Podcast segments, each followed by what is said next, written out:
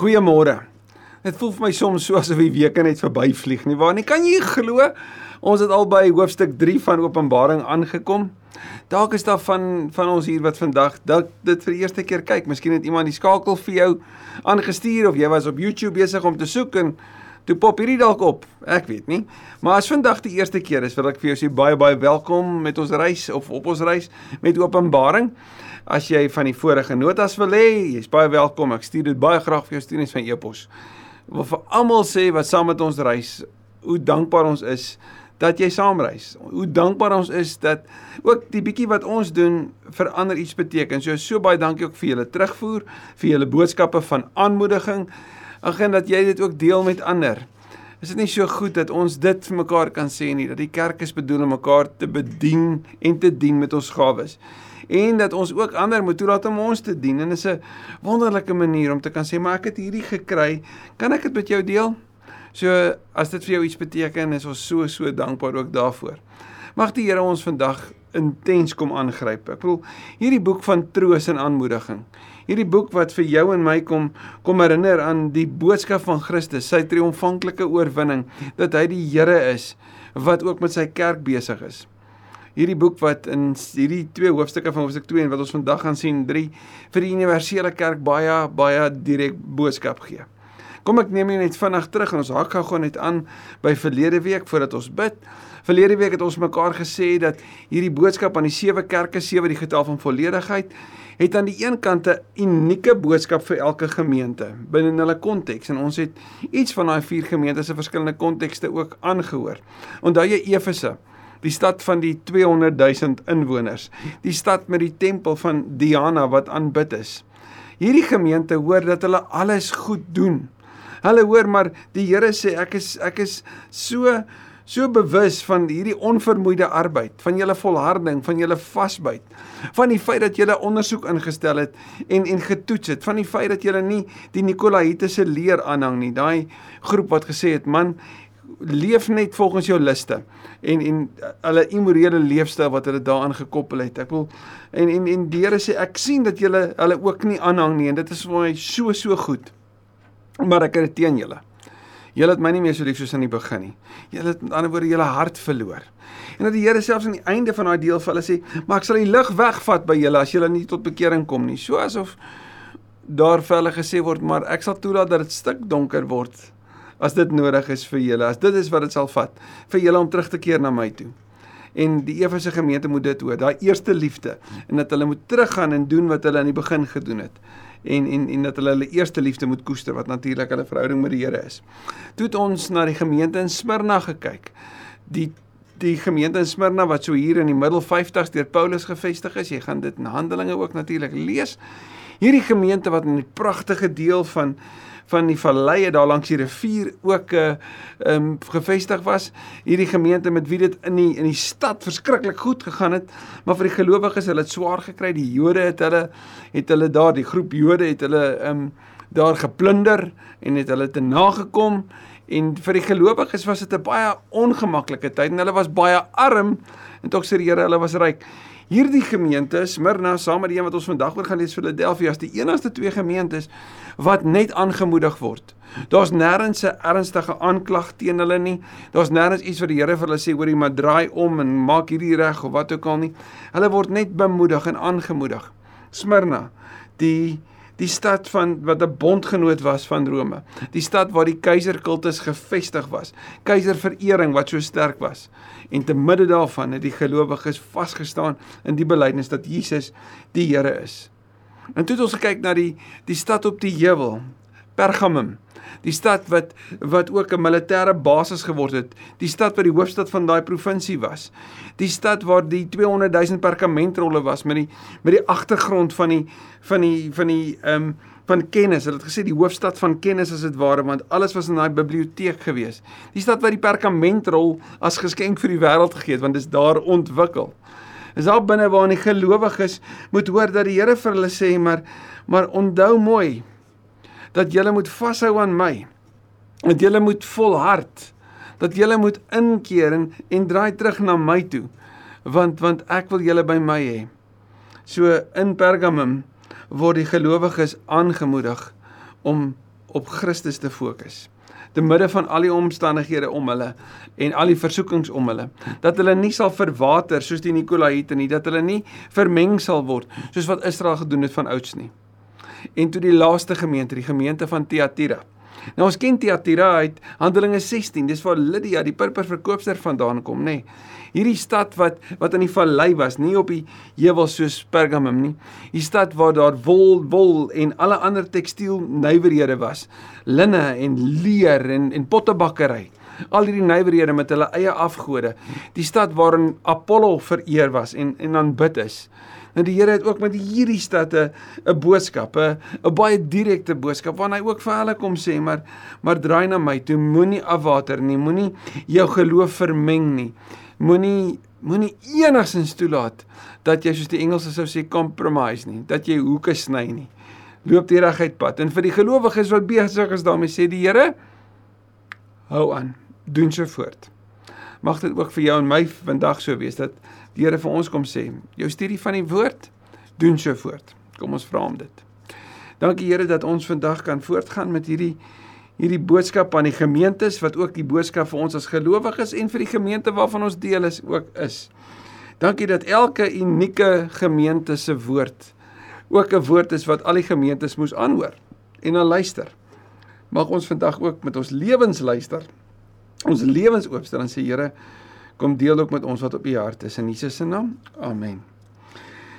Hoofstuk 3, die boodskap aan die gemeente van Sardes. Nou, Sardes was 48 km suidoos gewees van Thyatira ons weet dat Sardes op 'n heuwel was en hierdie heuwel was baie ontoeganklik. Jy kon net op een manier opbeweeg na die stad toe, wat dit natuurlik baie maklik gemaak het om dit as stad te verdedig indien daar enigstens kontak met vyand met die vyand sou wees.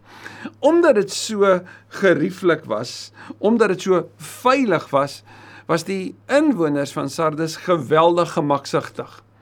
Trouwens, hulle het op ander neergekyk. Hulle was gemaksigtig, hulle was oorgerus. Jy sou selfs kon sê hulle was arrogant geweest. En Sardes het al hoe meer gegroei omdat dit so 'n gewilde, gemaklike stad was, maar daar was net soveel ruimte bo op die op hierdie heuwel, op hierdie koppie, né? En teen 17 na Christus was daar 'n aardbewing gewees en hierdie aardbewing het 'n stuk van die stad verwoes. Natuurlik is dit weer herbou, maar omdat die stad net hierdie klein kapasiteit as dit ware gehad het, beperkte kapasiteit vir mense gehad het, het dit daartoe gelei dat die inwoners 'n nuwe gemeenskap gaan vestig het. 'n Nuwe tuiste gaan vestig het. So die mense het al hoe meer wegbeweeg en weggetrek. So dit was 'n krimpende stad ten tye toe Johannes geskryf het. Wat sê die Here vir hierdie gemeente? Skryf aan die leraar van die gemeente in Sardes. So sê hy wat die sewe geeste van God en die sewe sterre het. Nou weet ons dat die sewe geeste die volledige Heilige Gees van hoofstuk 1 is. Hierdie sewe sterre natuurlik, die sewe um, wat ons in hoofstuk 1 ook van lees. Ek weet alles wat julle doen. Weer net soos wat die ander gemeentes dit al moes hoor. Herinnering aan Psalm 139. God wat alles weet, wat jou gedagtes ken, wat jou stil woorde wat jy soms hier binne prewel ken, wat alles binne in jou ken. So weet die Here ook wanneer die gemeente.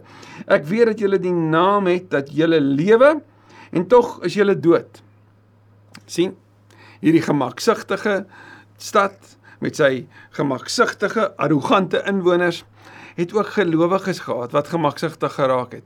Wat nie besig was om die evangelie te verkondig nie, wat nie besig was met die dade van die koninkryk nie.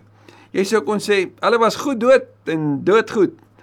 En die Here kom gee 'n baie direkte boodskap vir hulle om hulle wakker te skrik. Word wakker en versterk wat nog by julle oorgebly het. Hierdie stad wat gekrimp het, die gelowiges het heel duidelik ook in getalle gekrimp. Nou sê die Here maak die mense wakker en versterk gaan lees gerus meer van hierdie versterking in Hebreërs 12 vers 1 tot 13. Want die Here praat van aanmoediging van hierdie atlete, weet om wat gelowiges soos atlete is wat hulle oë moet moet vestig op die wenpaal, dat hulle oë moet vestig op Christus, dat hulle die lamknie en die lamarms moet versterk en die reguit pad moet loop en dat die tug van die Here juist daar is om hulle aan te moedig om hulle by die wenpaal te kry. Ook hier versterk versterk wat nog by julle oorgebly het, wat op die punt staan om dood te loop. Is dit nie soms nodig vir ons om gelowiges om gemeentes in ons omgewing dalk 'n bietjie wakker te skud nie.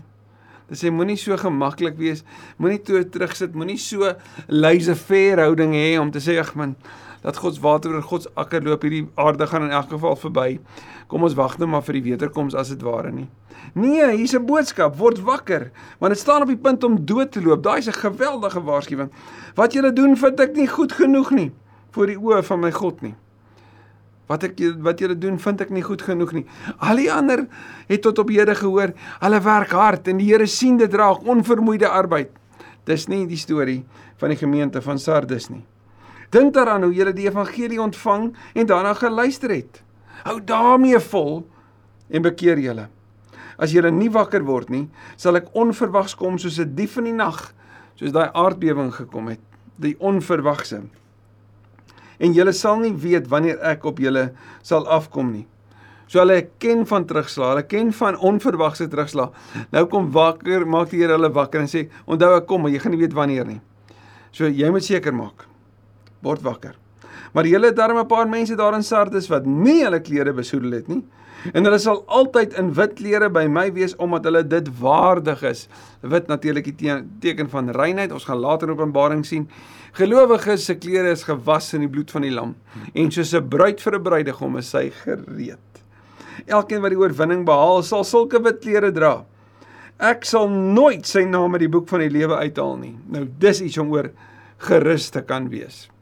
As daar ooit iets is waaroor gelowiges wat Jesus bely en hom volg rustig kan wees, is dit dit. As hy sê nou jou naam in die boek van die lewe geskryf het, staan daar. Ek sal nooit sy naam uithaal nie. En ek sal voor my Vader en voor sy engele verklaar dat hy aan my behoort. Elkeen wat kan hoor moet luister na wat die Gees van die Here vir die gemeentes sê. En dan draai die skopus na gemeente nommer 6 toe. Gemeente met naam Philadelphia. Die gemeente wat saam met Sardes die enigste twee gemeentes is wat ag saam met Smyrna jy so wat aangemoedig word deur die Here om aan te hou.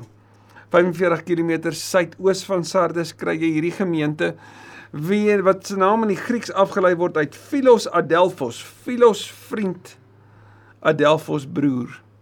Sommige sou sê nee, dit dui op die woord broederliefde en en en Philos is die liefde vir 'n broer. Dit kom uit uh, die tyd van Atalaus 2, toe sy broer die koning by Pergamum was en daar's gesê dat hy so sy broer ondersteun het dat hy broederliefhebber genoem is. Hy is genoem Philadelphia. So die stad is na hom vernoem. Hierdie stad was ook uh, die op die hoofposroete van daardie tyd gewees langs die Kogamsrivier, ook in 'n pragtige vallei. Dit was vreeslik mooi oral om gewees en daar's na hierdie stad verwys as die poort na die ooste en daarom het hulle probeer om veral die die taal van daar af vorentoe te beweeg en uit te brei in die in die omgewings van Lydia en Frigia want dit was wat wat hulle funksie was. Hulle was so trots op hulle afkoms en hulle wou dit deel, hulle wou hulle herkoms en hulle taal deel. Dit was die hart van die inwoners van Philadelphia. Hierdie stad in die Hermosvallei wat so vrugbaar en so mooi was. Skryf aan die leraar van die gemeente in Philadelphia. So sê die heilige. 'n Baie mooi beskrywing van Christus as die heilige die een wat afgesonder is, die een wat rein is. Die ware God. Hy wat die sleutel van Dawid het. Ander woorde hy wat die hoogste gesag het, naamlik Jesus die Here, né? Wat die deur oopsluit en niemand sal dit weer toesluit nie en dit toesluit en niemand sal dit weer oopsluit nie.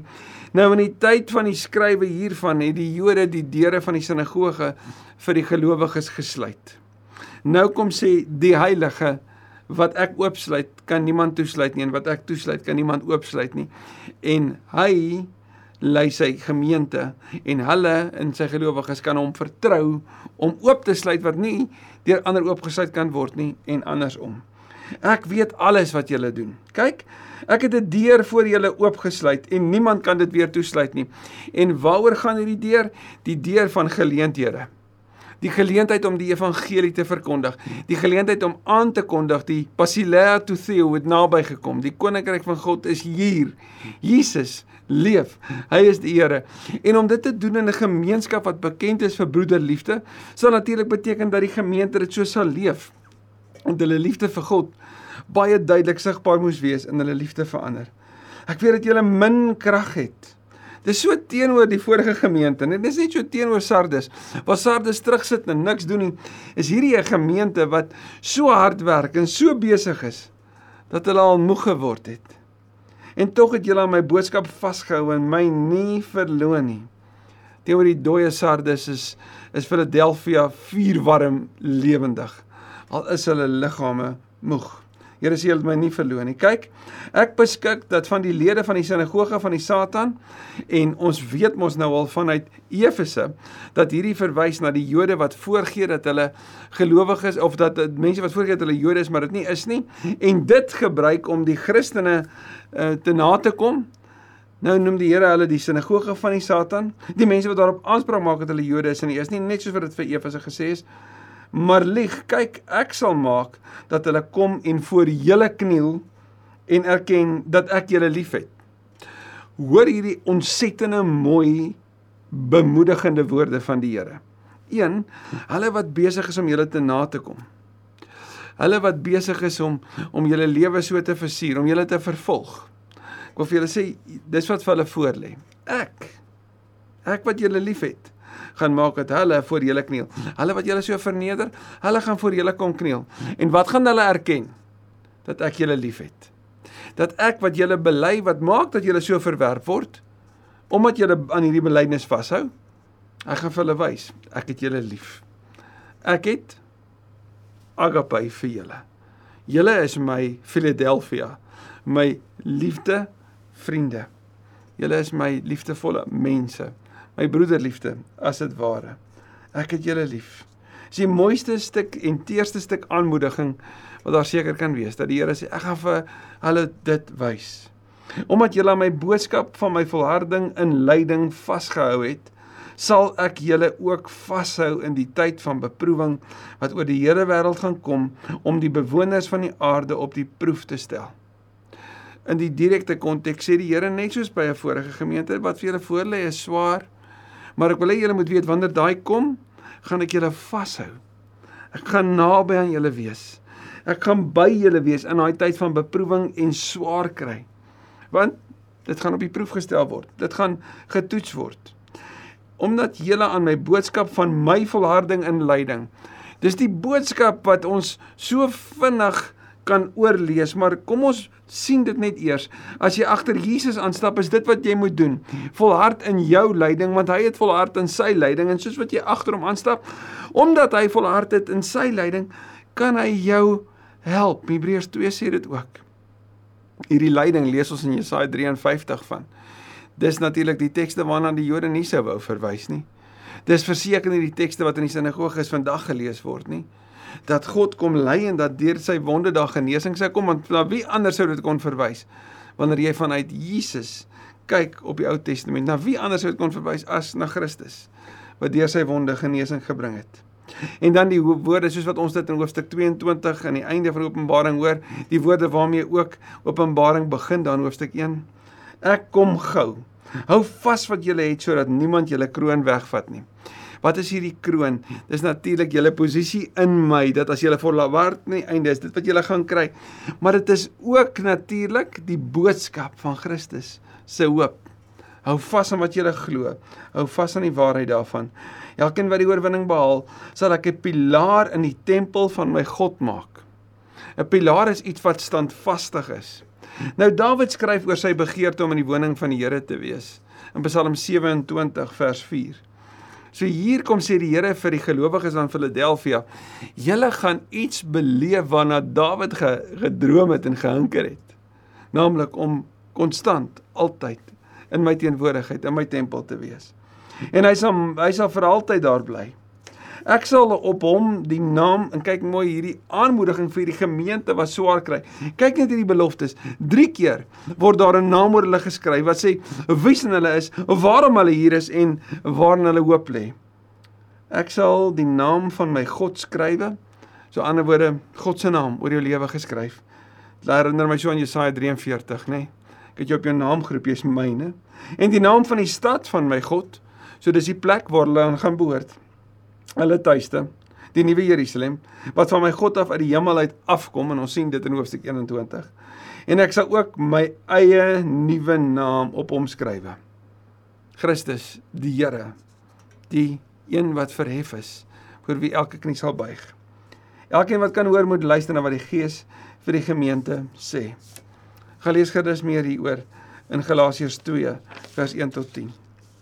En dan die derde gemeente. Op die sewende gemeente in die reeks, die derde gemeente vir vandag. Hierdie gemeente Laodicea. Die gemeente waarvan veral hoofstuk 3 vers 20 so baie oor al gesê is. Die gemeente waar wanneer ons praat oor om lou te wees, ons so vinnig verward kan raak oor wat die betekenis is. So kom ons hoor. Wat sê die Here vir hierdie gemeente 72 km weg van Philadelphia af? Hierdie gemeente wat 160 km van Efese af is. Hierdie gemeente waar daar geen natuurlike waterbronne is nie.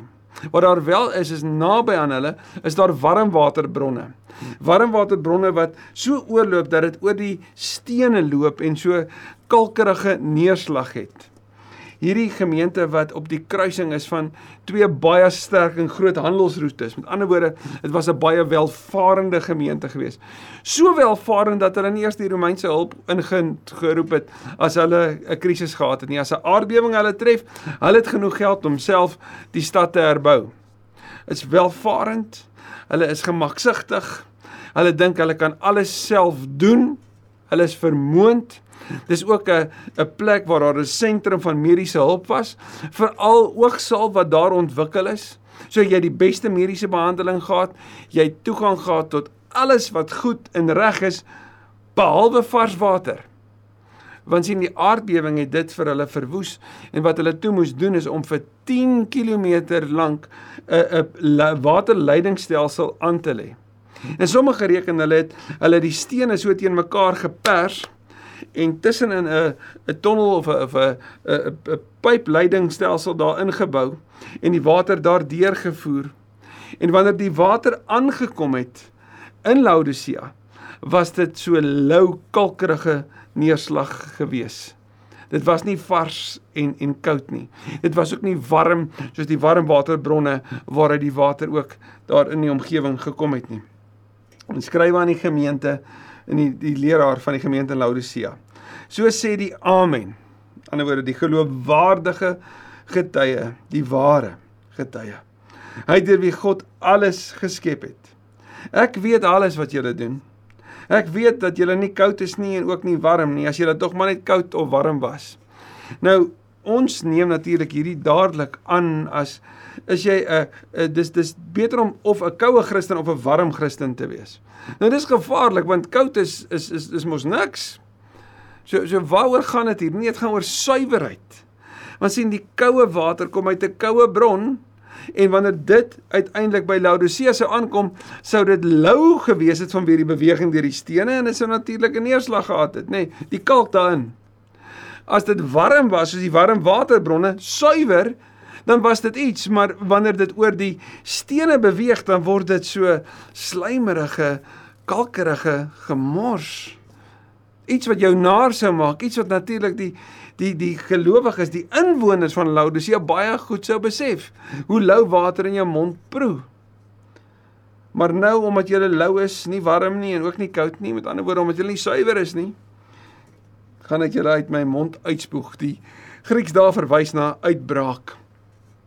Wat sê die Here? Julle maak my naar. Jy ooit daaroor gedink? dat God sê dat julle gee vir my 'n wilglike ervaring. Omdat julle nie toegewy is aan my nie. Omdat daar by julle hierdie hierdie belewenis is van gemaksigtigheid. Van ons kan alles self doen. Ons het U nie nodig nie. Maak julle my naar. Julle het 'n aaklige neerslag in julle geloof geneer gekry. Julle het julle bedoeling, julle roeping, julle betekenis versaak, die rede hoekom julle hier is het julle verloor. Julle sê ons is ryk, skatryk. En ons het niks meer nodig nie. En julle weet nie dat julle ellendig en beklaanswaardig is nie, arm, blind en kaal. Sjoe. Dit waarop hulle neergekyk het, die armes, die blindes, die kaales omdat hulle super welvarend was. Het eintlik gewys wie hulle is. Om sonder 'n kleed rond te loop voor die Here omdat hy jou volledig raak sien.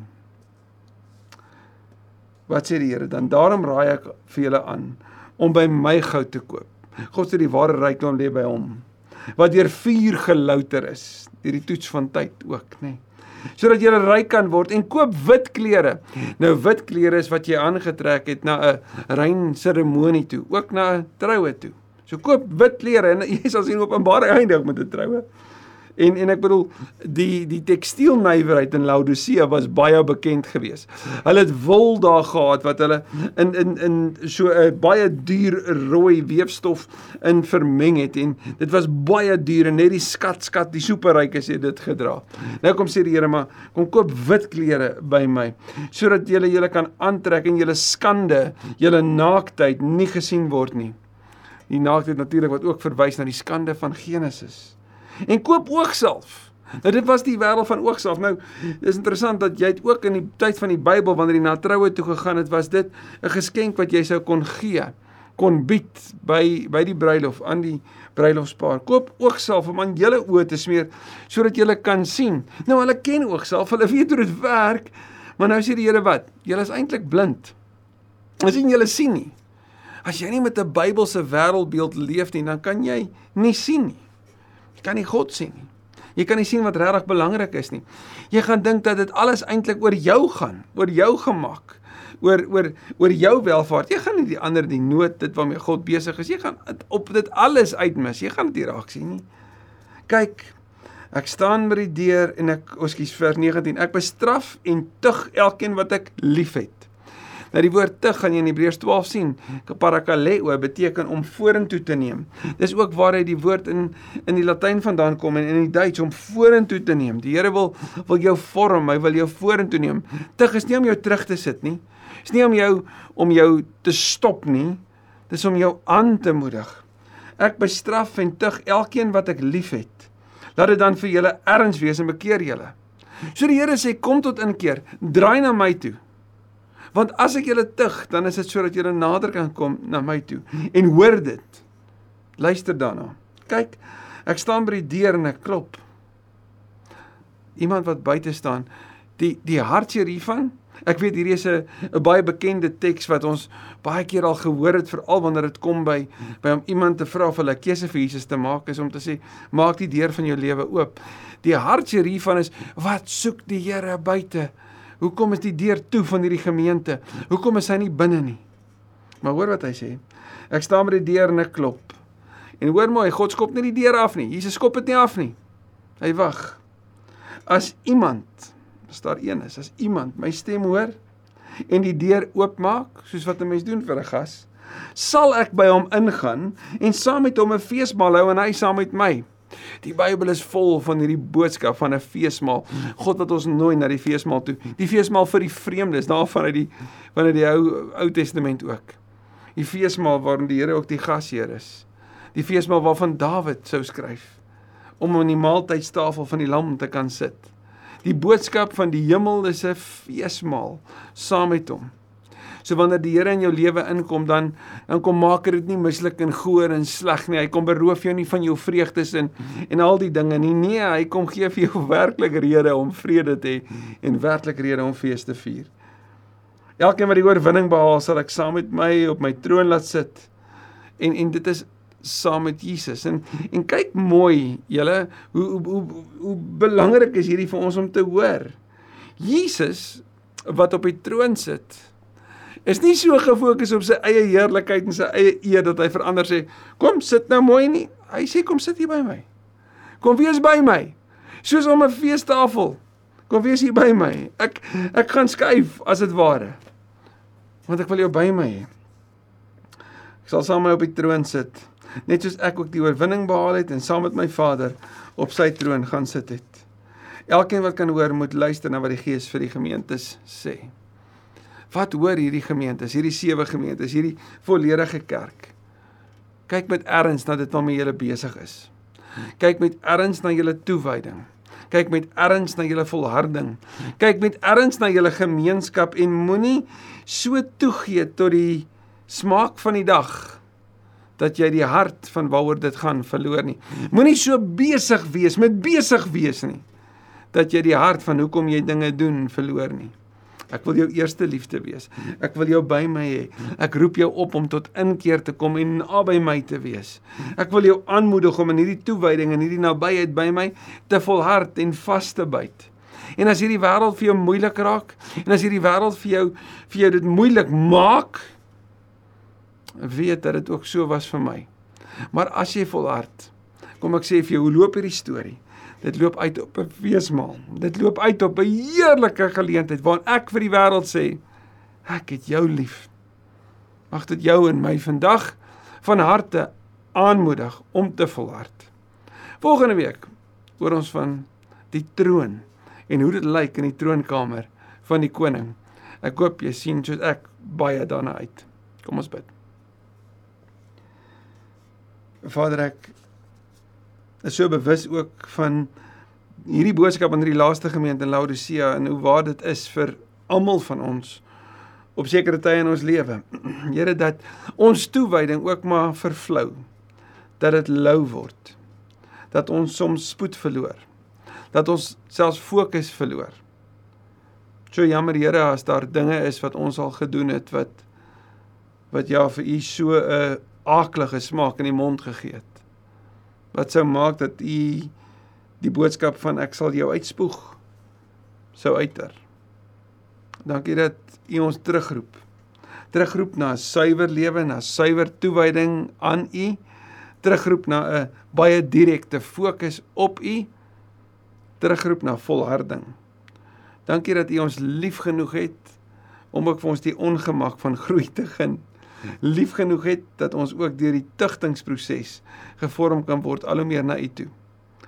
Here, dankie dat ons die genade oomblik het om vandag ook hierdie te hoor en U terugroep te hoor. Mag ons ernstig daarop reageer. In Jesus se naam. Amen. Amen. Ek hoop jy het 'n skitterende dag en mag ek en jy met alle erns en volle toewyding agter Jesus aanstap. 'n Baie mooi dag vir jou.